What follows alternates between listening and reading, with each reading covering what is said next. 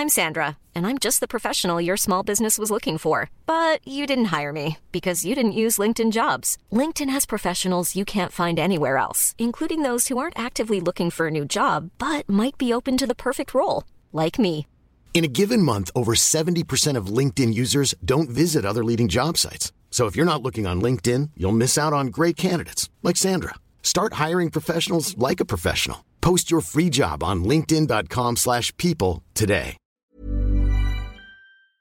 Jakob, øh, du lavede sjov med det sidst, det her med, at dine øh, forudsigelser de går i, i omvendt øh, opfyldelse. Altså, du, du sagde for et par uger siden, at, øh, at forsvarsforbeholdet, øh, vores danske forsvarsforbehold i EU, om, øh, ikke vil komme til folkeafstemning. Det kommer ikke til at ske. Det gjorde det. Du sagde, at tyskerne, nej, de ændrer ikke sådan uh, dag til dag deres uh, forsvars- og, og europapolitik. Kan man ikke forestille sig. Og så gik Scholz i bundestagen med tusindvis af milliarder uh, euro under armen til det tyske militær. Ja, ja, ja, ja, ja. Forsvaret af Europa. Nu har, du, nu har du så været på spil igen. Skal vi snakke om det? Ja, vi skal lige, vi skal lige rundt om det, fordi det er, det er, jo, øh, det er jo ikke bare, nu er det ikke bare sjov længere, nu er det også ved at være uhyggeligt. Du sagde, øh, det, det var ikke her på kanalen, skal man sige. Det var over hos Nej, nej, nej, konkurrenterne. ja, det var endnu værre. Det var i DR, mand. I DR. Ja. Cecilia Lønning Skovgaard, øh, nu forhenværende øh, beskæftigelsesborgmester i Københavns Kommune. Du sagde, den sagde der var om hende, hun kommer ikke til at trække sig. Øh, det er utrolig svært for at vælte en borgmester. Det er det. Hvor lang tid gik der fra, at du sagde det, til hun så rent faktisk trak sig? Der gik næsten 12 timer. Jeg siger til mit forsvar, der gik næsten 12 timer. At det er jo... Det er jo simpelthen ikke. Jeg vil sige, som, øh, som journalister før mig har sagt, det var rigtigt, da jeg sagde det. Ja, ja, ja. Vi skal bare passe på, tænker jeg fra nu af, ja. hvad det er, du siger ikke kommer ja. til at ske. Ja, vi skal passe meget, meget på. Jeg skal Og så skal vi jo tale lidt mere om den her sag om, om Cecilia Lønning øh, Skovgaard. Ja, lad os lige gøre det. Og vi skal også tale om øh, den sundhedsreform, regeringen kom med et, et udspil til i den her uge, for øh, efter i årvis øh, at have, have udskudt det, så, så, så kom det endelig. Det meste det var jo kendt stof, nære hospitaler, der skal lette byrden i et samfund, hvor mængden af ældre bare stiger og stiger de kommende 40 år. Men der var også markante nye tiltag. Forbud mod salg af tobak til alle født efter 2010, og et forbud mod at sælge alkohol til alle under 18. Og dermed så er diskussionen om Socialdemokratiets glæde ved at bruge den stærkeste mærk, der findes i menneskets verden, nemlig statens, dukket op igen. Men nedenunder det, der handler det måske også om, hvorvidt Socialdemokratiet med sundhedsreformen i hånden kan blokere for den vigtigste vej til regeringsmagten for de borgerlige. Jakob, skal vi ikke tage vores hvide lægekitler på og tage på sygebesøg på det hospital, der er dansk politik? Jo, lad os gøre det.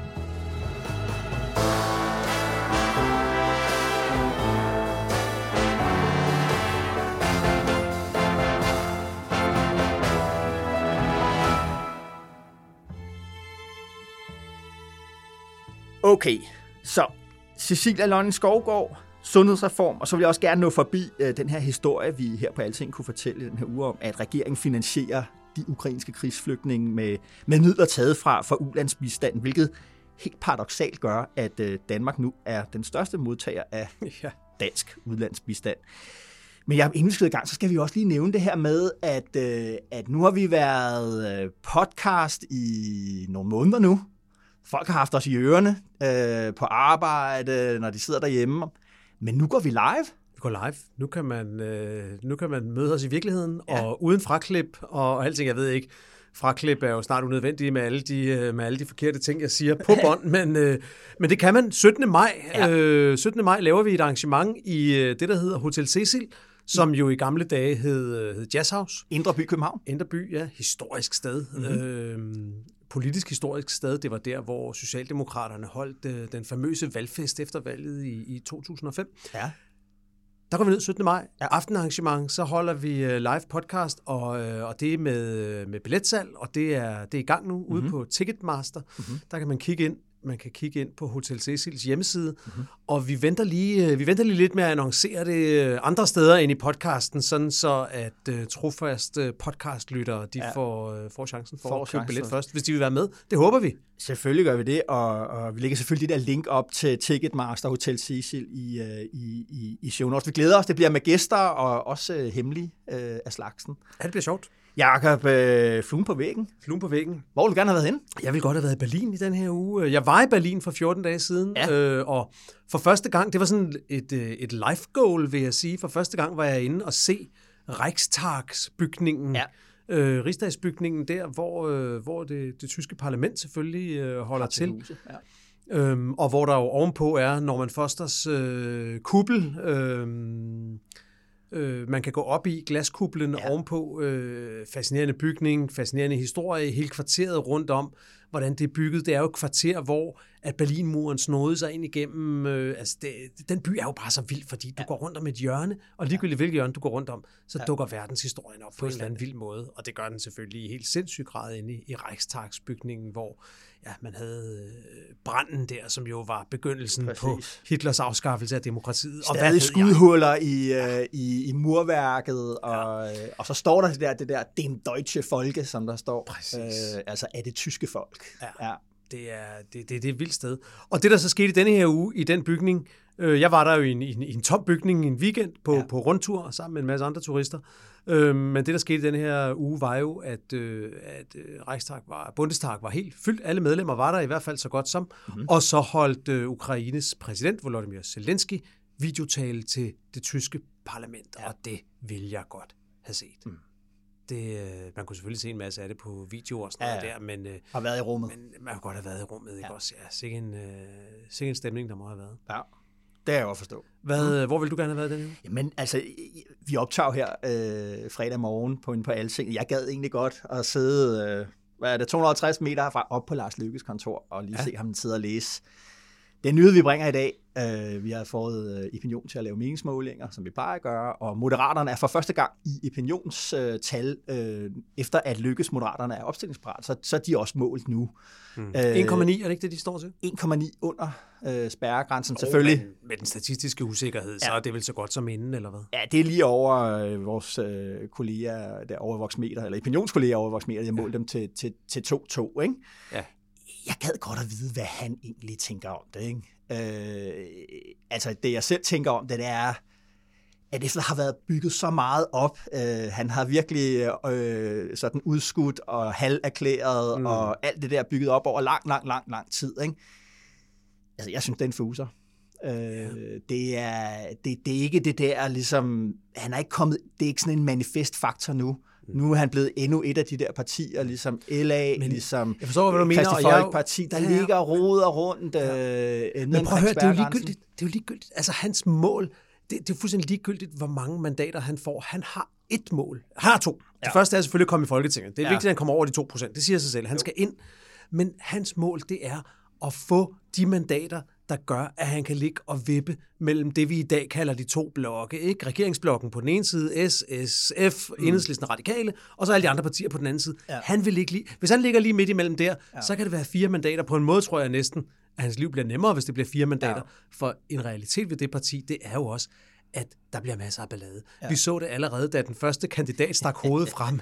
En af, af værterne på tv-programmet Luksusfælden, der ja. gik ud i Se og Hør af alle steder, ja. og erklærede, at han var spidskandidat i Østjylland for ja. Moderaterne, ja. og så måtte Moderaterne ud og brændslukke og sige, det var overhovedet ikke besluttet endnu, og det kommer ja. først grundlovsdag, og bla bla bla. Ja. Og det viser jo bare, at når først andre mennesker begynder at komme ind i det projekt, ja. så kommer der meldinger, og så kommer der udtalelser, og så skal de det ene og det andet. Jo. Du ved, altså, for mig, jeg, jeg tror sådan set øh, egentlig, at Lykke er, er godt tilfreds. Det havde været en katastrofe, hvis han, øh, hvis han øh, lå til en halv eller en hel procent. Ja. Men han ligger til at komme ind. Det er Ja. det, der tæller.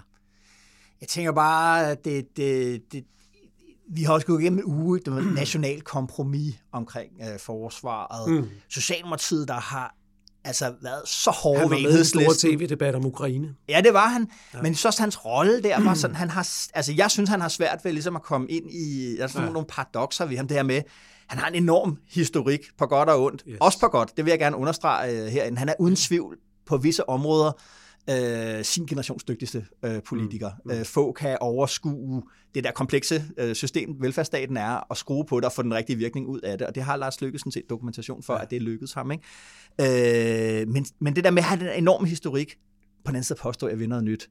Øh, og så det her med, at han har en, en, grundlæggende jo egentlig en og meget optimistisk analyse af mulighederne for det danske samfund, hvis vi øh, kommer med de rigtige reformer. På den anden side har han en, en udtryk, hvor han bliver bitter og vred og kommer til ligesom, at være den der, der har været i politik længe og står og fortæller de andre, inde ja. i den der partilederrunde for eksempel, hvordan burde tingene egentlig ja. øh, hænge sammen. Ikke?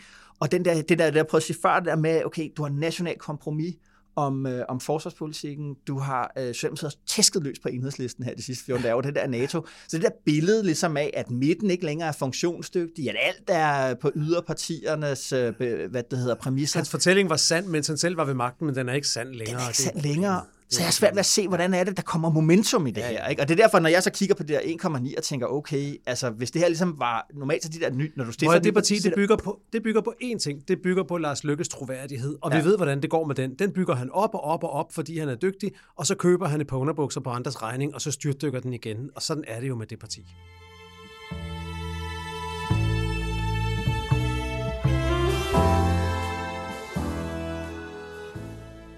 Jakob, Yes. Hør lige med her. Jamen, der er egentlig dage, der er jo dage, hvor der er pres på, og generelt var det et travlt efterår med valgkamp og mange ting, og der kan tingene gå for hurtigere, man kan få udtrykt sig for kontant og for direkte. Det har jeg ikke været tilstrækkeligt opmærksom på. Det har jeg undskyldt for, og det er også stoppet. Det er Cecilia Lønning Skovgaard, øh, som vi også talte om i, i begyndelsen. Den her sag, Jacob, den har kørt over et, et, et, et relativt langt stykke tid. Prøv lige, øh, du skrev en analyse af det her øh, i, i den her uge, som vi selvfølgelig også smider op i show notes, men prøv lige at, hvad, hvad handler det her egentlig om? Det er en vildt underlig sag. Det er en helt vildt underlig sag, fordi den begynder jo den begynder jo lige før valgkampen, lige før kommunalvalget, med at Berlinske Tidene har det, de helt klart selv mener er et brag af en afsløring. Ja. De har fundet ud af, at beskæftigelsesforvaltningen i København, som Cecilie Lønning Skovgaard sidder i spidsen for, Venstreborgmester, de har ikke en eneste gang de seneste år henvist en ledig direkte til job. Nej. Og det er på et tidspunkt, hvor virksomhederne står og skriger på øh, arbejdskræfter, der findes ledige i København og sådan noget. Kæmpe skandale. Berlingske skriver lederartikler. De kører de, fyrer den ud på sociale medier. Det er mm. virkelig en skandale, det her.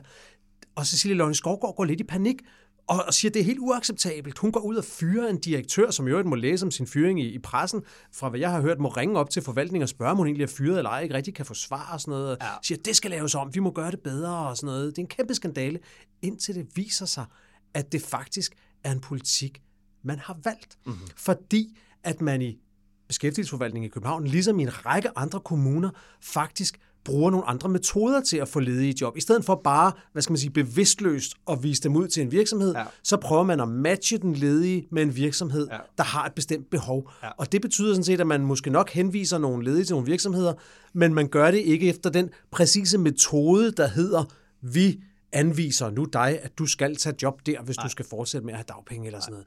Så det viser sig, at afsløringen bygger i hvert fald til en vis grad på en slags misforståelse. Mm.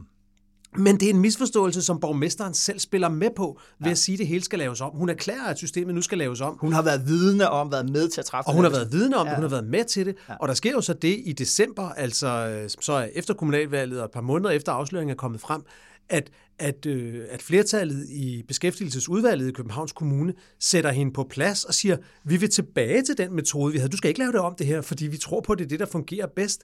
Så det er på en eller anden måde ja. en, øh, en, en, næsten en slags ikke-skandale. Mm-hmm. Men det, den så fører med sig, det er jo, at Cecilie Lønge Skovgaard får et helt forpestet forhold til sin egen forvaltning, ja. fordi at som et led i den her krisestyring, bliver hun efter alt, hvad man kan læse og høre og se, øh, så, øh, hvad skal man kalde det, usikker, vred, øh, øh, panikangst, mm. at hun begynder og skælde og smelle ud inde i sin forvaltning. Øh, folk går grædende derfra, føler sig forskelsbehandlet. Der er folk, der siger op og begynder at klage over ulideligt arbejdsmiljø og sådan noget. Så, ja. så, øh, og det er jo sådan set det, der ender med at blive hendes, øh, hendes afgang. Det er sådan set ikke den skandale, som øh, blev afsløret der før kommunalvalget. Mm. Det er det, at arbejdsforholdene i hendes forvaltning bliver så ulidelige efter det her, ja. at ingen kan holde ud at være der. Og det slutter sig i denne her uge da der kommer en arbejdsmiljøundersøgelse, der viser, at et meget stort antal mennesker føler, at de har været udsat for en eller anden form for krænkelser. Ja. Og her tror jeg så, at krænkelser ikke har noget med seksuelle krænkelser nej, nej. at gøre, men mere med,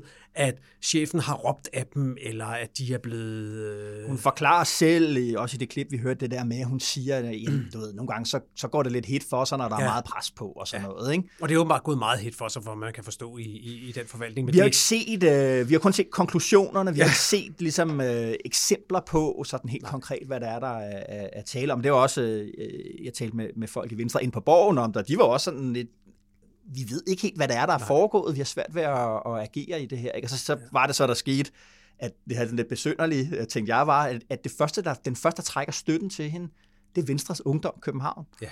Øh, og det var også der, jeg fik øh, fra Kilder for Venstre, ringede og sagde, nu er det game over for, for hende. Ja. Og det, det var egentlig bare meget sjovt, fordi med, og pointen med det, jeg spurgte ligesom, jamen, hvad, hvor, hvad har vi u København med det at gøre? Ja. Men de, de siger, at det, det, er, det er den, der driver din valgkamp, når du er, er lo, okay. lokalmand, ja. øh, lokale politikere i Danmark. Og hvis de siger, at det, det dur ikke mere her, så, øh, altså, så er det selvfølgelig, de har jo selvfølgelig talt med andre i, i, i altså talt med Venstre København, det, det voksne Venstre, eller hvad vi skal kalde mm. det i København, men det er, altså uden dem, så har du ikke nogen kampagne, altså, og, og, og, så og det, det viser også meget hurtigt, at de øvrige medlemmer af borgerrepræsentationen ja. for Venstre, de, de, to, øh, de lagde sig ind og sagde, ja. vi, vi er også utilfredse med hende. Det er super interessant, for det siger, og det var jo, det, det er jo, altså, uden det skal blive en undskyldning eller noget, men det er jo også derfor, at, at jeg siger om morgenen, hvor hun går af, ja. at det tror jeg ikke er særlig sandsynligt. Det er jo fordi mekanismerne i lokalpolitik er jo nogle andre end på Christiansborg. Det er ikke en minister, der er blevet væltet. Det er ikke kan minister, gøre det, det, det kan du ikke. Oppositionen kan ikke vælte en, øh, en, en borgmester. Selvom de har et flertal i borgerrepræsentationen, ja. der synes, at Cecilia Lønning Skovgaard er, er udulig, så kan de ikke bare lige gå ned og vælte hende. Nej. Den eneste, medmindre vi er ude i sådan noget brikstofte-agtige ulovligheder, ja. så den eneste, der kan vælte en borgmester, det er borgmesterens egne partifælder. Ja. Og det er jo så også det, der sker. De mister simpelthen tilliden til hende. Ja. Og det havde jeg i hvert fald ikke set komme, at venstrefolkene var så utilfredse med hende, at de var klar til at vælte hende. Især ikke fordi, at hun jo selv kom til magten ved et paladskup, mm-hmm. væltede den forrige venstreleder i København, Pia Allerslev, fordi de synes, at hun manglede profil, hun var ikke liberal nok og alt det her. Mm-hmm. Og det er ligesom, når man gør det, så er der grænser for, hvor mange gange du kan lave den igen. Ja. Øh, og derfor troede jeg sådan set, at hun kunne, at hun kunne ride den af ja, ja, ja. og sige, okay, jeg er nødt til at få et bedre forhold til de ansatte i forvaltningen og sådan noget, men, men så skal det nok blive godt igen. Men det var hun åbenbart så overhovedet ikke i stand til. Jeg tænkte, du ved, det der med, øh, jeg, jeg kiggede på hendes CV, sådan uh, her da det skete, for jeg tænkte, hvem er, hvem er hun egentlig? Ja. Der, hun har egentlig en, en ret vild uh, baggrund. Hvad er nogle store virksomheder? Hun har været i McKinsey, hun har været i Carlsberg, hun har været i Kodan, hun har været HR-chef uh, i, i en eller anden rang i hvert fald i, i Ørsted. Ja. Det er store internationale uh, virksomheder. Uh, hun, har, hun har også været, hun en master fra Harvard, og hun er, hvor hun kom til på det der kronprins Frederik Scholarship, man kan, kan få, ikke, som der er, hvad er det, en eller to om året, der, der får. Ikke? Og så det, jeg tænkte, det var bare øh, en, en, en fejl, der tit sker i, i, i borgerlige miljøer, men idé om på en eller anden måde, at lederskab, at være en dygtig leder i det private erhvervsliv, også kunne gøre dig til en dygtig politisk leder. Øh, og det er i hvert fald, det, det kan man vel øh, konstatere nu, at, at, at det, jamen det passer, det passede heller ikke denne nej, gang. Nej, øh, og, og så tænker jeg noget andet, det er det her, det er arbejdsmiljø, der, altså de her arbejdsmiljøsager, som vi jo ser andre steder i egen branche her i journalistbranchen jo også, og ikke bare MeToo, men generelt, det er, bliver en faktor, jeg tror, vi kommer til at se i, uh, meget mere i, uh, i dag. Og så tænker jeg, hvorfor er, hvorfor Prøv, er det? Det er jo den anden borgmester på to år, der ryger på det, fordi Frank Jensen, det var, han havde jo så, det var over i MeToo-genren, ja. men det var, det var det samme, da Frank Jensen måtte gå som overborgmester. Ja. Det var igen hans eget parti, der mistede tilliden til ham. Det var Socialdemokraterne, der væltede ham, ikke alle mulige andre. Og det var fordi, at hvis man skal kode det helt ned, at der ikke var ordentlige arbejdsbetingelser ja. Frank Jensens, øh, på Frank Jensens rådhus. Og jeg tror, det kommer til at, altså, det er særligt den der psykologiske del af det der med arbejdsmiljø. Nu tror jeg nogle gange, vi stadigvæk selv, sådan nogen, som også kommer til, til at tænke på, at arbejdsmiljø, det er sådan noget med, du ved, er der ordentlige skrivebord og faciliteter, ja. og du ved, arbejdstiden ordentlig og sådan nogle ting. Ikke? Men jeg tror, jeg tror arbejdsmiljø bliver, bliver sådan en, en faktor. Jeg tænker, hvorfor er det? Og så tænker jeg, jamen, vi lever jo, ikke mindst når det kommer til det offentlige, ligesom, vi lever i en konkurrencestat. Altså det vil sige, hvor evnen til selvmobilisering og selvledelse og øh, mm. det her krav om, du skal være øh, autonom og fornuftig og selv træffe beslutninger, og det er meget, vi skal realisere os selv på vores arbejde, selv finde mening i det. Der tror jeg bare, altså, at det, det, det er jo nogle dyder, som vi har, fordi vi, vi skal være effektive. Vi skal være efficiente. Men det betyder også bare, at, at der får arbejdstageren magt der til at sige, at hvis vilkårene ikke er til det, så er det, så er det, så er det et kæmpestort ledelsesproblem, og så bliver der altså skiftet ud, fordi jeg synes, det kan man ikke to, leve med. Det er super interessant. Jeg synes, der er to måder, man kan se det på. Den ene måde, det er at sige, på tiderne er skiftet heldigvis, man kan ikke længere chikanere sine medarbejdere, selvom man er politisk valgt leder, så har man ikke ret til bare at gøre hvad som helst, råbe og skrige af folk. Der, den gamle historie, kan du huske det om Per Stig Møller, der som udenrigsminister kastede et stykke pizza efter en ministersekretær, fordi han var utilfreds med et eller andet. Ikke? Altså, ja. Den går ikke i dag. Du kan ikke behandle folk øh, på alle mulige åndssvage måder. Det er faktisk et, øh, et fremskridt for civilisationen. Det er ja. den ene måde at se det på. Den anden måde at se det på, det er, at når, når, øh, når jeg ved ikke, et stort tocifret antal mennesker siger i sådan en undersøgelse, at de har været udsat for krænkelser af ja. en borgmester, så kan det også være udtryk for, at hele det der krænkelsesbegreb mm. har rykket sig. Nu ved vi ikke, hvad det præcist er, mm. men altså det der med, kan, kan det dække over for nogle af dem, at de har fået frataget en arbejdsopgave, som de synes hører til hos dem eller et eller andet? Ja. Altså kan tolerancetærskelen for, hvad medarbejdere skal finde sig i, også være blevet lovligt lav måske? Mm. Jeg synes begge dele kan måske godt være en del af fortællingen. Her. Ja, men helt, ja, altså, det var også da jeg prøvede at sige det der, men det, det er blevet et magt. Altså, der, der, ja, der er et felt ja. med magt, hvor magt støder, altså interesser støder sammen, og mm. hvor jeg tror også, vi kommer til at se fagbevægelserne, altså kommer til at spille en meget stærkere rolle lige her, i forhold til, nu har vi talt meget om sådan noget, du ved, med, med alt med løn og alt det, det er vi jo vant til, men jeg tror arbejdsmiljø, altså når man bare for at sige sådan, når du ved, hvad, når sygeplejerskerne for eksempel bliver sure på, på, på regeringen her, så det bliver omsat i en lønkrav, der ikke bliver indfriet, og så bliver man endnu mere sure. Men når man taler med eksperter om, om det, så handler det ikke først og fremmest om løn. Det handler om arbejdsmiljø. Ja. Kan, du, altså, kan du udøve din faglighed? Er der respekt om dig på den måde? Og det har man, det har for eksempel syge, det er i hvert fald internt hos sygeplejersken, den oplevelse, at det kan de ikke længere, og så reagerer de. Så jeg tror bare, at det her det bliver, det bliver et felt, vi kommer til at se meget det, mere i. Det skal alle politikere skrive sig bag øret, det her. Hvad er det, der sker den dag, Cecilia Lønning Skovgaard går af? Det er, at den der arbejdsmiljøundersøgelse kommer ud, ja. og fire eller fem fagforeninger, Djøf, HK, Journalistforbundet, Akademikerne, akademikerne ja. sender en fælles pressemeddelelse Præcis. ud om, hvor utilfredsstillende det her er. Ja. Det er ikke oppositionspartierne, der sender en pressemeddelelse ud. Det er fagforeningerne, ja. og så er hun done, så er hun færdig. Ja. Du lytter til DK Pol. Mit navn er Esben Schøring, og jeg er politisk redaktør her på Altinget. Og hver fredag sender jeg dig på weekend med det, du skal have med i din analyse af dansk politik. Gå ind der, hvor du hører din podcast, og abonner på hashtag DKPol. Nå, ja, sundhedsreformen efterspurgt længe, ikke alene i den her regerings levetid, men øh, også før. Og, og før corona, der blev det sådan sagt øh, halvt i spøg, men også kun halvt, at nu var der simpelthen ikke flere hospitaler, Magnus Holm kunne komme ud og drikke, drikke kaffe i. Øh, Hvor har den dog været længe undervejs? Ja, han har trådt vande, og så kom corona selvfølgelig, og, ja. men altså, nu er den her så.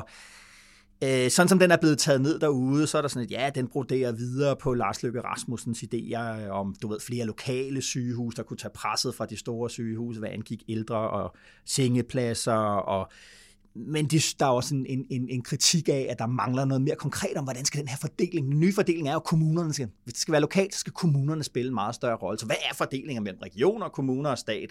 Og det synes man ikke rigtigt, at der er kommet nogen sådan øh, særlig præcis forklaring på, hvad det, skal, hvad det skal gå ud på, og heller ikke ligesom, hvordan pengene skal fordeles.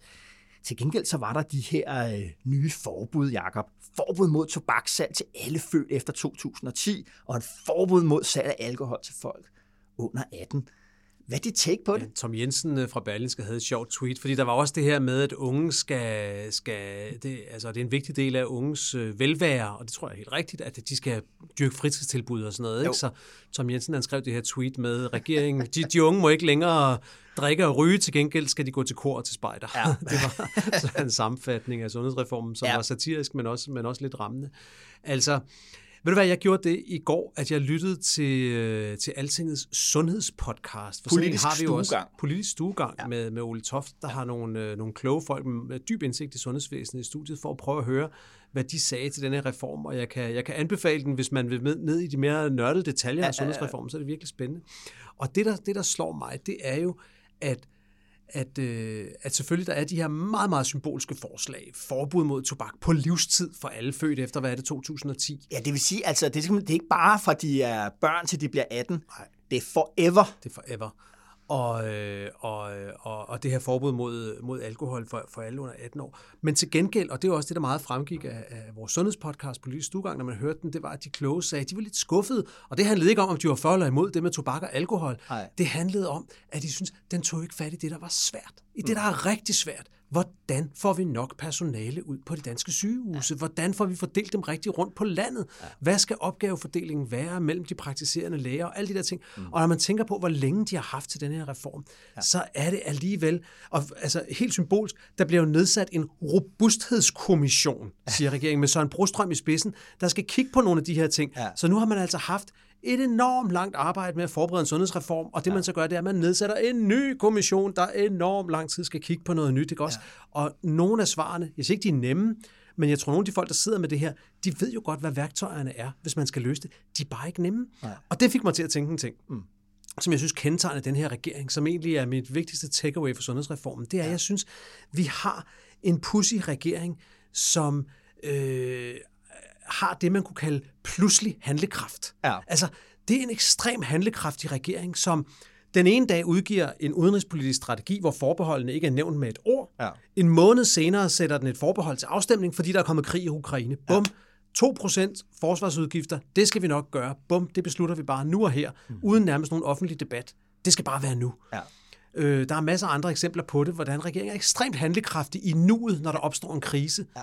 Men på nogle af de svære, lidt mere langsigtede strukturelle ting, udfordringer, strukturelle udfordringer ja. der er den faktisk ikke særlig handlekraftig. Altså, og det synes jeg, det her sundhedsudspil, det afspejler. Mm. Det er en regering, der ikke rigtig tør melde ud på de rigtig svære ting, og så kommer der i stedet for noget, som ser svært ud, men som i virkeligheden jo ikke er særlig svært. Alkohol 18 år, ja eller nej øh, tobak til, du ved, altså... Det er nemt ja, ja, at vedtage en lov. Masser af debat, men ja. det er ikke det, der er det svære. Det svære er at finde ud af, hvordan vi får nok sygeplejersker til ja. at være til stede på alle de øh, nærhospitaler, vi skal åbne lige om lidt. Ja.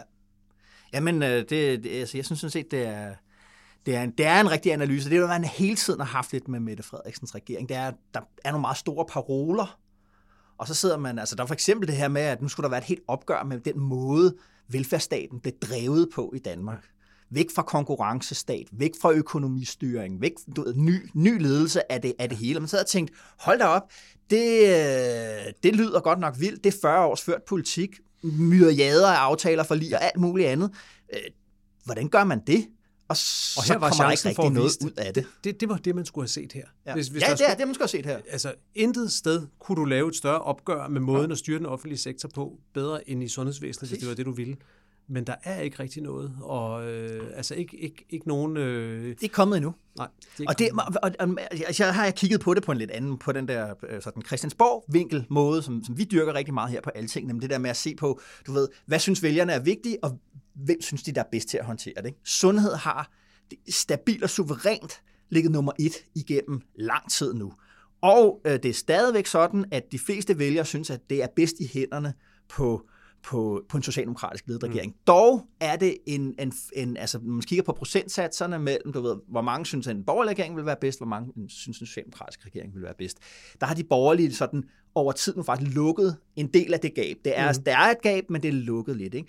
Og der har jeg, jeg har jo også skrevet analyser på at sige, det er der, de borgerlige store chance er øh, for at erobre et velfærdsemne, og dermed ligesom kunne være meget mere konkurrencedygtig ja. i forhold til at vinde et valg. Ikke? For det er klart, hvis vi holder et velfærdsvalg, og folk synes, at Socialdemokraterne er bedst til velfærd, jamen, så er chancen for, at Socialdemokraterne vinder altså det større. Ikke? Men det her på sundhed, det her, det er ikke bare nu, altså, at, at de borgerlige har en, en, en, et vejgreb her. Det har de også haft historisk. Altså den måde, Anders Fogh Rasmussen fik overbevist vælgerne om, blandt andet om, at han kunne være en lige så god, hvis ikke bedre, til at styre den danske velfærdsstaten, på Nyrup Rasmussen der tilbage i 2001. Så var det jo fordi Socialdemokraterne, dem der kan huske tilbage til 90'erne, ventelisterne. Det var et kæmpe stort problem i 90'erne, som Socialdemokraterne ikke evnede at løse. Og nu har vi så et andet øh, kapacitetsproblem, nemlig om på arbejdskraften, altså sygeplejersker, øh, kan folk blive behandlet for deres, øh, for deres øh, skavanker og deres sygdomme. Præcis. Og det er som om, at Socialdemokraterne ikke rigtig kan få greb i det her emne. Ja, altså lægemanglen øh, i, i det her udspil, der ligger, det vil de løse ved at tvinge, øh, tvinge de studerende i turnus til at komme, øh, komme mere ud som praktiserende læger ude i provinsen. Ikke? Også, ja. Altså, det er jo ikke, det er jo ikke, det er jo ikke en langsigtet løsning. Det er ikke en langsigtet løsning. Og eller noget andet, jeg bare sådan uh, bemærkede, det er jo, at, at altså, det er det, emnet er det vigtigste for, for vælgerne. Der er stor sandsynlighed for, at det bliver simpelthen en nøglespørgsmål. Altså, de borgerlige vil jo forsøge at gøre det til et nøglespørgsmål mm. i, i en valgkamp. Ikke? Hvor Mette Frederiksen? Mm. Hun er ikke med på et pressemøde her. Hun, hun holder det er ikke, sig ellers hun... ikke tilbage fra at holde pressemøde på de andres områder. Det er nemlig det. det er Heunicke. Heunicke er en meget populær, øh, han er den mest populære socialdemokratiske minister, der er. øh, altså mere populær end Mette Frederiksen er lige i øjeblikket, men stadigvæk, det er, der er altså en prioritering, der, der bliver signaleret for en regering, der tænker så meget i symboler og alt. Der er der altså en vis sådan symboleffekt i, at statsministeren er ingen sted at se, når vi kommer med det, der er det stør, et af de største velfærdspolitiske det, som problemer. Folk allermest. Og som optager vælgerne mere. Socialdemokraterne kan ikke rigtig komme ind i det. Og det har jeg også talt med en masse eksperter om, og sagt, ligesom, jamen, hvorfor tror I det er? Ja. Hvorfor, kan, hvorfor, har, hvorfor, havde, hvorfor havde man problemer i 90'erne med ligesom, at få ordentlig hånd i det? Hvorfor har man problemer ja. med nu? Ikke? Ja. Og jeg tror altså, det har noget at gøre med, at, at i den socialdemokratiske verdensomfattelse, så, altså den måde, de hvad skal man sige, kommer ind i samfundet på, det er jo som et arbejdsmarkedspolitisk spørgsmål. Mm. Arbejdstager, arbejdsgiver, overenskomster, alt den der.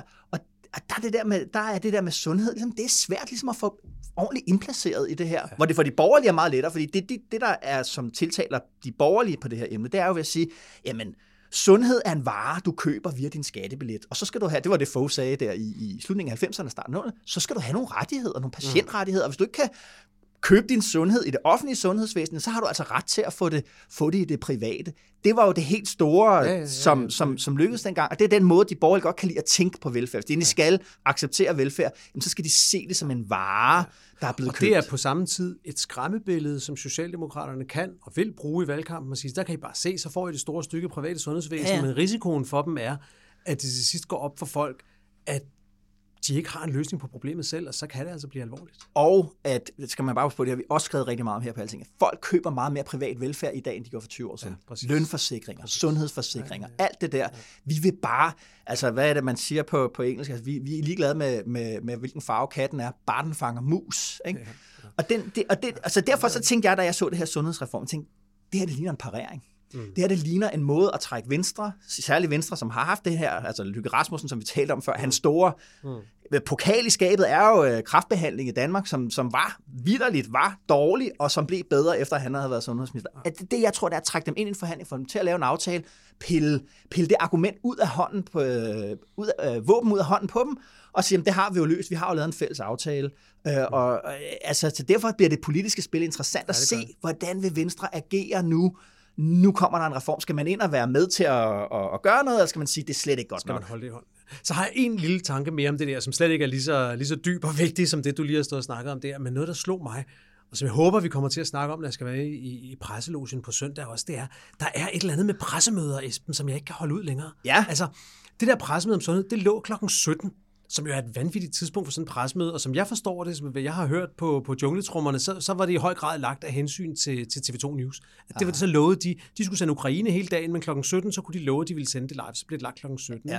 Jo. Og, øh, og så havde jeg sådan en lille udveksling, venskabelig udveksling med, med den tidligere TV2-journalist Peter Lautrup Larsen, ja. udmærket kollega, som, øh, politisk som redaktør, pension, politisk redaktør, ja, ja, ja. mangeårig politisk journalist, ja. lige præcis, dygtig fyr, ja. om det her med at, at, at lægge pressemøder efter TV's planlægning, og det udsprang jo af, at der var en, en anden kollega, tror jeg, der havde skrevet på Twitter, at det er jo fuldstændig urealistisk i den nye sæson af Borgen, for der er et pressemøde, hvor en avisjournalist får lov til at stille det første spørgsmål. Det vil aldrig ske i virkeligheden. Det er altid tv-journalister, der får lov at stille først. Ja. Det er bare sådan noget kollegialt drilleri mellem jo, journalister. Jo, jo, jo. Men det, jeg bare synes, der er det alvorlige i det, lidt, lidt smule alvorligt faktisk, det er jo det her med, at pressemøder er blevet tv-begivenheder. Ja. Og hvad betyder det? Det betyder for eksempel, at sådan noget med et meget symbolsk forslag om tobaksrygning, et ja. meget symbolsk forslag om alkohol. Ja. Det kommer til at fylde enormt meget i Magnus Heunicke's øh, præsentation, og det kan man også meget nemt lave tv-egnede spørgsmål om. Vil I det? Vil I ikke det? Er der nogen, der bliver sure? Og hvad med friheden og alt sådan noget? Det er meget ja, nemt at forholde ja, ja. sig til. Mens at de mere komplekse udfordringer, det er utrolig svært at passe ind i et, i et skarpt spørgsmål i et pressemøde kl. Ja. 17.20 på News ja. med, øh, hvad gør I med de langsigtede personaleudfordringer for de forskellige grupper, og hvordan får I nok praktiserende læger? Alt det der. Jo, jo. Altså, det er ligesom om, at hele præsentationen af politik, ja. som nu foregår i en symbiose mellem en regering, der gerne vil have tv-tid, ja. og en tv-station, som gerne vil have fyldt sendeminutter ud, mm-hmm. den symbiose påvirker måske i virkeligheden også næsten den politik, der bliver lagt frem, eller i hvert fald måden, den bliver lagt frem på. Ja. Det synes jeg er interessant at tænke lidt over i hvert fald. Ja, ja, ja bestemt. Jamen, øh, helt, helt, helt, helt bestemt. Der er jo det der det er jo gammel diskussion, der forhold mellem, mellem politik og tv, eller hvad skal man sige, den, der hvor det brød igennem, det der helt kendt med, du ved, Kennedy i, i, og, og Nixon i 60, da de har, har, har tv-debatter, ikke? hvor dem, der hører det på radio, de har den der opfattelse, at det er faktisk Nixon, der var bedst, og dem, der så, øh, så det på tv, de synes, at Kennedy var bedst, fordi Kennedy var formidabel på fjernsyn. Ikke? Og, øh, og, og sagen var bare, på det tidspunkt, så var, havde tv ligesom fortrængt radioen som det primære medie. Ikke? Og der var ja. der jo så også øh, nogen, der sagde, det, der, der vi trådte ind det der med, hvis du, at at hvis det at være en succesfuld politiker og en succesfuld regering, jamen det handler om at være god til tv. Ja. Øh, og det lever vi jo stadigvæk i. Der er kommet, nu er der kommet nye medier til. Nu skal du også være god på Twitter, og du skal være god ja. på, på, på, på Facebook. Ikke? Og det, men spørgsmålet er selvfølgelig, hvornår er det, at det ikke bare bliver indpakning, og ikke bare bliver præsentation? Jeg skal bare sige, at den her regering er blevet så glad for pressemøder efterhånden. De kan jo simpelthen, og jeg synes helt ærligt også, politikere kan jo ikke styre fri tv-tid. Altså, de snakker og snakker og snakker, og præsentationerne bliver længere og længere. Ikke også? Altså, jeg synes virkelig, der er brug for nogle tv-redaktører, der er lidt mere kyniske og siger, nu cutter vi altså. Ja. Nu sender vi ikke mere af det der. Nu, nu er det nok.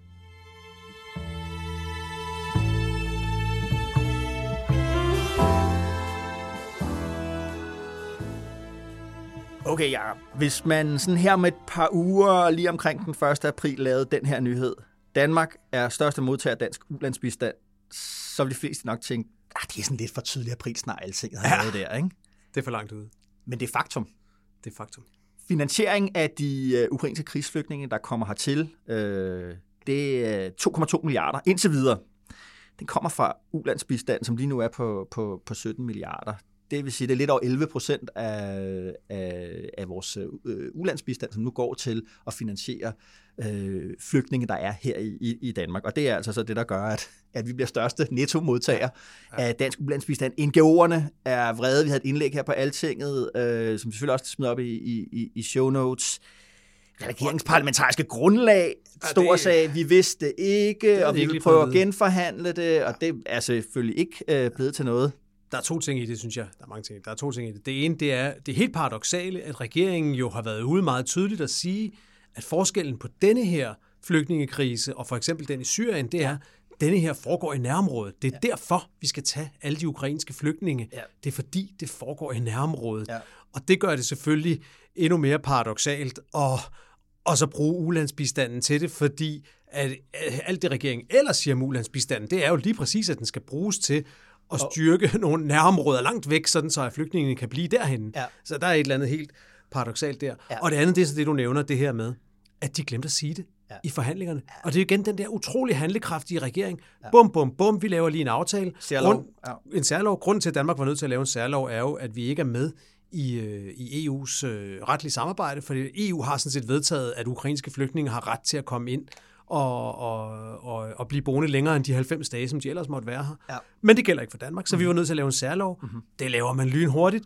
Men man glemmer lige at fortælle støttepartierne, at vi har faktisk tænkt os at tage pengene fra, fra ulandsbistand, og de blev godt nok rasende, da de fandt ud af det. Men er det ikke også, altså det er vel også lidt hvor var de ikke selv spurgt der undervejs? Hvordan, ja, hvor, hvor kommer pengene fra ja, lige her? Ikke? Altså, det, det, er jo, det, det må være en af de første spørgsmål, øh, man stiller, når man går ind til en forhandling. Det vil sige, at ja. altså, der er så og så mange penge. Ej, man hører til faktisk forklaringer. Ah, vi var ikke helt færdige med det på det tidspunkt. Og sådan noget. Nå, nej, okay. De har sovet, øh, De har sovet i, i, i, i timen. Ja.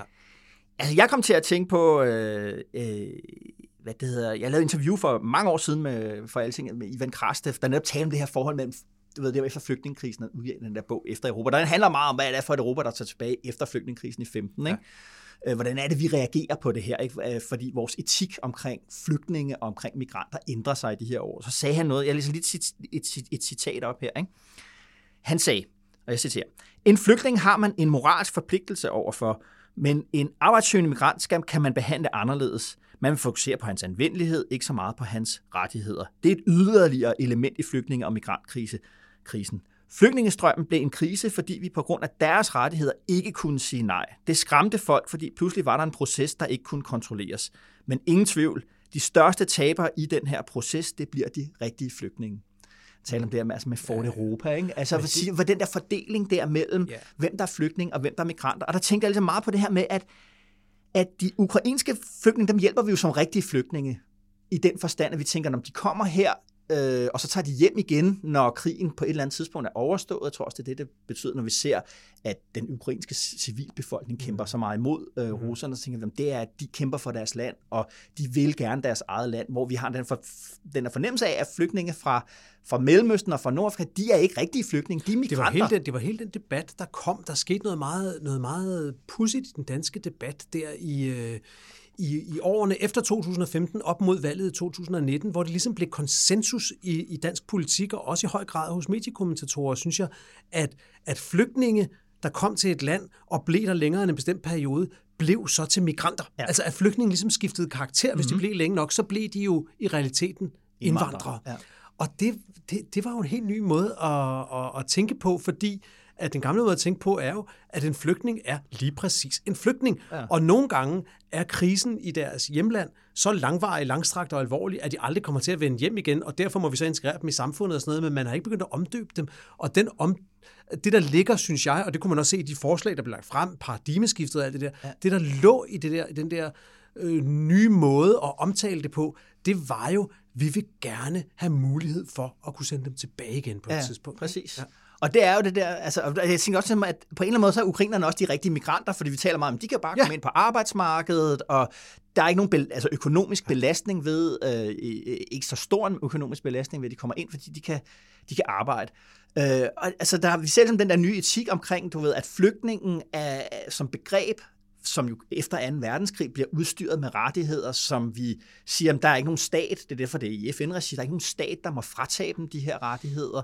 Øh, men, men billedet af flygtning er selvfølgelig, at det er et, et, et, et tidsbegrænset, øh, en tidsbegrænset tilstand at være, at være flygtning. Ikke? Øh, og den, det er jo på alle mulige, det er også reelt nok i en vis forstand jo, at de konflikter, vi har, er jo ikke længere af 2. verdenskrig brutal, historisk brutal, voldelig, alt muligt men den var tidsbegrænset. Det var en krig, der kun varede fem år. Afghanistan, som vi lige har taget afsted fra, der var vi 20 år. Irak, som vi stadigvæk på en eller anden måde jo er involveret i, øh, på, på, på, på et eller andet niveau, jamen er den krig slut? Altså, hvornår er krigen slut? Ja, hvornår, er det, hvornår starter de? Det er jo aldrig, før de er færdige.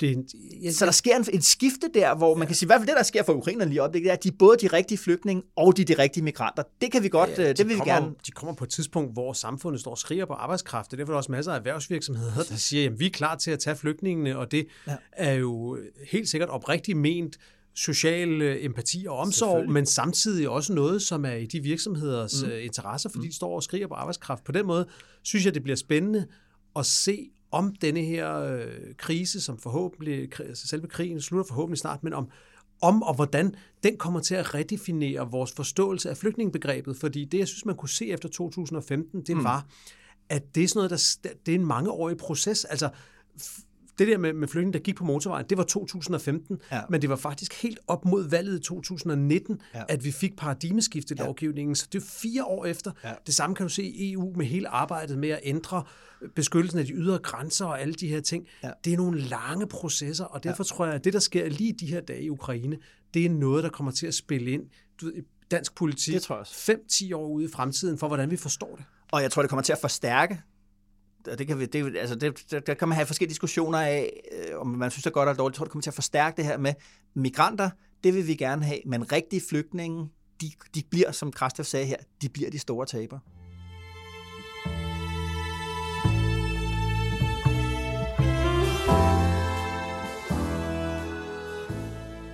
Okay, anbefalinger, Jacob. Du har jo troet med, at øh, nu kom du med noget, øh, noget, der virkelig kunne noget. Jeg synes, jeg har gode anbefalinger i den her uge. Jamen, kom med det. Og jeg, og jeg, har, jeg har to. Den første overstår vi hurtigt. Det er, jeg har læst Paul Massens nye bog. Paul Massen, tidligere chefredaktør på Ekstrabladet. Anmeldt den? Jeg har anmeldt den, givet den en, øh, en rigtig god anmeldelse øh, på Altinget. Øh, jeg, jeg læste en lidt mere kritisk anmeldelse i politikken. Den var ret sjov, og synes jeg sådan set også var rigtig. Sådan kunne man også se på den, hvor politikken mere havde den, den den tilgang til det, at Paul Madsen er manden, der har en masse principper, lige indtil han ikke har dem alligevel, så, så laver han dem om. Det er sådan set også rigtigt, men jeg synes, ja. bogen er, er hudløs og ærlig, og også Paul Madsen indrømmer nogle fejl, hvad man ikke altid er vant til fra Ekstrabladets chefredaktør, og så har han en masse politik i sig. Rigtig god afsnit om Messersmith-afsløringerne, om Lars Løkke-afsløringerne, man sidder tilbage og tænker, tænk, at Lars Lykke overlevede nogle af de ting, Ekstrabladet afslørede om ham på det tidspunkt, og tænk, at Ekstrabladet aldrig fik kavlingprisen for noget af det, de lavede dengang. Ja. Det er en god bog. Læs den. Ja. Læs anmeldelsen ind på Altinget. Jo. Men min vigtige anbefaling, mm-hmm. det er, at jeg har hørt en fremragende podcast i denne her uge øh, fra Nå. en af mine amerikanske absolute yndlings øh, og skribenter, ja. nemlig ham på New York Times, der hedder Ezra Klein, mm-hmm. som, øh, som jeg bare er vild med. Og så øh, går der nogle gange noget tid, hvor jeg rigtig får hørt ham, og så i denne her uge tænkte jeg lige, at jeg skal lige se, hvad han har. Mm-hmm. Og så havde han en time samtale med historikeren Timothy Snyder, ja. som er måske den dygtigste historiker og ekspert på ikke bare euro, europæisk EU's historie, men på Ukraines specifikke historie. Jeg tror, han har skrevet seks bøger om Ukraines Den historie. mest kendte er det med den, der hedder The Bloodlands. Ja. ja. Timothy Snyder er fantastisk. Han er fremragende. Ja. Og altså Ezra Klein i, i samtale med Timothy Snyder om Ukraine, det er værd at høre. Det er et ja. fremragende program. Der er så mange gode pointer, jeg næsten ikke ved, hvor jeg skal begynde og hvor jeg skal slutte. Også om, hvad er demokrati for en størrelse? Er demokrati den erklæring, den fortælling, vi har om demokratiet, eller er det det, du rent faktisk gør i praksis, der udgør demokratiet, mm-hmm. som er en rigtig spændende diskussion, ja, også i forhold til Rusland og EU og sådan noget. ting. Det er, um, det er en fremragende podcast, som jeg virkelig varmt kan anbefale. Og så sker der det rigtig sjove til sidst, at Ezra Klein har jo, ligesom i denne her podcast, en anbefalingsafdeling til sidst. Og da Ezra Klein så beder Timothy Snyder om at komme med en anbefaling, ved du, hvad han så anbefaler? Nej. Så anbefaler han jo en bog, som vi også har haft nævnt her begge to flere gange i den her podcast, ja. nemlig Peter Pomeranchevs bog Nothing is True and Everything is Possible, hvor han siger, det er faktisk en af de bedste nøgler til at forstå ja. det moderne Rusland. Ja. Og det er jo altid en, øh, en fornøjelse, når en af ens store forbilleder og en af de klogeste mennesker, ja, man, man ser i den offentlige debat, faktisk øh, går ud og bekræfter noget, man selv også havde, havde, havde tænkt på som en, øh, som en god bog. Så øh, ind og lytte til Ezra Klein, og øh, hvis man mangler noget at læse i, så tager man en Timothy Snyder-bog og Peter Pomerantjev til dessert. Fantastisk. Og du skal også lige at fortælle, fordi hvad det hedder, du, du, du skrev til mig her for et par dage siden, du har haft den der, en vild oplevelse med nogen, noget af det, du havde anbefalet et par gange, ja, eller talt om et par gange. Richard Pipes, øh, den her gamle yes. historikers øh, bog om, øh, om, om Rusland der. Ja, prøv, lige, prøv lige at fortælle anekdoten igen. Ja, Ja, altså Richard, helt, helt kort lige inden jeg fortæller anekdoten, så Richard Pipes, han har skrevet den her bog, der hedder Russia Under the Old Regime, mm-hmm. som er skrevet i 70'erne, mm-hmm. men som de første 100 sider tror man nærmest, man læser om Putins Rusland, selvom ja, den er skrevet tilbage i 70'erne. Det er en vild bog, øhm, der forklarer meget om russisk tænkning og russisk politik. Mm-hmm. Den har vi snakket om her i podcasten før. Nå, i denne her uge så er jeg til et møde med chefredaktøren for Dagens Nyheder, Øh, Peter Wolodarski hedder han. Han har selv polsk, øh, polsk-ukrainske rødder langt tilbage, men han er jo fuldblodet svensker selvfølgelig. Mm-hmm. Og øh, han fortæller en masse forskellige ting. Det er meget spændende. Blandt andet fortæller Wolodarski så, at han tilbage i 2008 havde været et år på Harvard i USA for at læse. Mm-hmm. Og en af hans, øh, en af hans øh, sjove oplevelser dengang, eller lidt skræmmende oplevelser, havde været, mange havde grinet af ham tilbage i 2008. Hvorfor vil du? Han havde læst russisk historie på Harvard, mm-hmm. og folk synes, russisk historie, altså, det er jo, det er jo fortid. Det er, ja, hvorfor altså, gør du det? Rusland, det er ligegyldigt nu. Mm-hmm. Det, dem er vi gode venner med. Det behøver du ikke læse.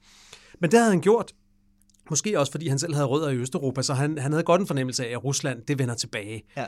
Og så sagde han, okay, næsten alle mine professorer på Harvard, de var sådan nogle, det tyskerne ville kalde putin De var mhm. sådan nogle øh, meget ruslandsvenlige, meget, meget optimistiske, grænsende til det naive omkring, hvad Rusland er, hvad Rusland vil udvikle sig til, mm-hmm. hvilken vej det går. Undtagen, sagde han, undtagen Richard Pipes.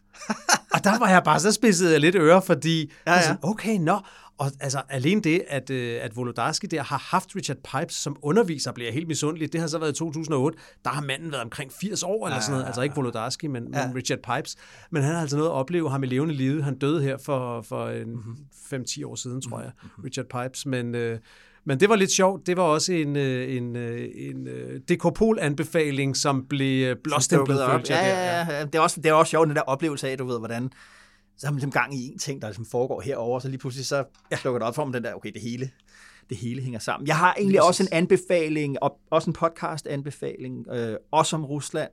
Øh, jeg hører en del af den podcast, der hedder The Rest is History, mm-hmm. med øh, Tom Holland, ikke skuespilleren, men øh, den britiske øh, historiker. Han er sådan, han er sådan en antikhistoriker, meget fokus på kristendommens historie. Han har en podcast sammen med, der hedder Dominic Sandbrook, som er samtidshistoriker og skrevet en masse om både amerikansk og, og, og, og britisk sådan samtidshistorie. Uh-huh. Øh, og det, det er bare en fed podcast. De er super britiske, men også rigtig, rigtig sjove sammen. Øh, de har lavet fire episoder om Sovjetunionens kollaps og Putins vej til magten. Okay. Så hvis man gerne ligesom vil i sådan, øh, synes jeg, sådan nogenlunde let øh, spiselig form øh, komme ind på, jamen, hvad er egentlig Ruslands historie fra slutningen af 70'erne og så ligesom til nu, øh, og hvordan hænger det sammen med den måde, Putin agerer på. Så synes jeg, at de der fire gange 45 minutter er, er, er bare, det er bare super gode, når man kan sætte sig ned og, og, og høre helt Fedt. afslappet. Ja. Jeg, synes, jeg synes, det er en ting, som øh, jeg også talte om på det, det møde, jeg var til sammen med nogle andre redaktører med, med Peter Volodarski, hvor vi også snakker om det her med, et, et af vores store problemer i, øh, i Danmark og i Vesten, tror jeg, i medieverdenen, det er simpelthen, at, øh, at vi ikke ved nok om Rusland. Vi har simpelthen for få Ruslands korrespondenter. Hvor mange er, det? er der overhovedet nogen fastboende Moskva-korrespondenter? Nu er det selvfølgelig krig, så lidt, men selv før det, ja. altså ja. aviserne har opgivet deres Moskva-korrespondenter. TV-avisen har en, der rejser lidt ind og ud, og er kanon dygtig. Det er slet ja, ikke nogen kritik ja. eller noget, men det er bare, vi er langt fra quote unquote, gamle dage, hvor der ja. var faste Moskva-korrespondenter, og det betyder simpelthen, at vi forstår ikke Rusland godt nok. Vi er simpelthen nødt til at vende tilbage til at forstå det. Ja, ja ligesom at, øh, og det er jo det der med, at vi fokuserer på Rusland, når der er, er konflikt, det vil sige, når ja. noget spidser til, ikke? Og, og selvfølgelig ikke, ikke, mm. ikke mindst nu, men det er klart, der var jo altså, i gamle dage Leif Davidsen og Samuel Racklin, der sådan, hvor der ja. var altså nyt fra Rusland. Ja. øh, og og det, det er klart, at, at, at det bør vi jo også have med Kina, og ligesom vi har det med, med USA og med Bruxelles og så videre. Ikke? Ja, men helt Leif Davidsen var i, var i Deadline for nylig, hvor han, øh, hvor han gengav en, øh, en virkelig god anekdote. Jeg tror måske var det fra en af hans egne bøger, så, øh, så, så jeg, jeg tror, det var en bog, han havde oplevet, en, en, en anekdote, han havde oplevet i virkeligheden, og så havde gengivet en af sine fiktionsbøger også med, med en russisk dreng, skoledreng, der taler om at gå i skole, og som så siger, at, at han synes, at historie, det er klart det sværeste fag i skolen. Og hvorfor det, bliver han spurgt? Jamen det er, fordi de laver den om hele tiden. Jakob, vi er nået til vejs ende. Øh, god weekend øh, til dig. Ja, lige måde. Og også god weekend til dig derude med DK Pol i, i ørerne. Som sagt, så kan du snart ikke nøjes med bare at lytte til os, men, men være med live fra Hotel Cecil i Inderby, København, hvor Jakob og jeg har gæster og går på scenen den, den 17. maj. Du kan købe dine billetter på, på ticketmaster.dk eller inde på Hotel Cecils hjemmeside. Som sagt lægger vi øh, links op i, i show notes. Husk, politik har aldrig været vigtigere. Mit navn er Esben Schøring. God dag og god vind.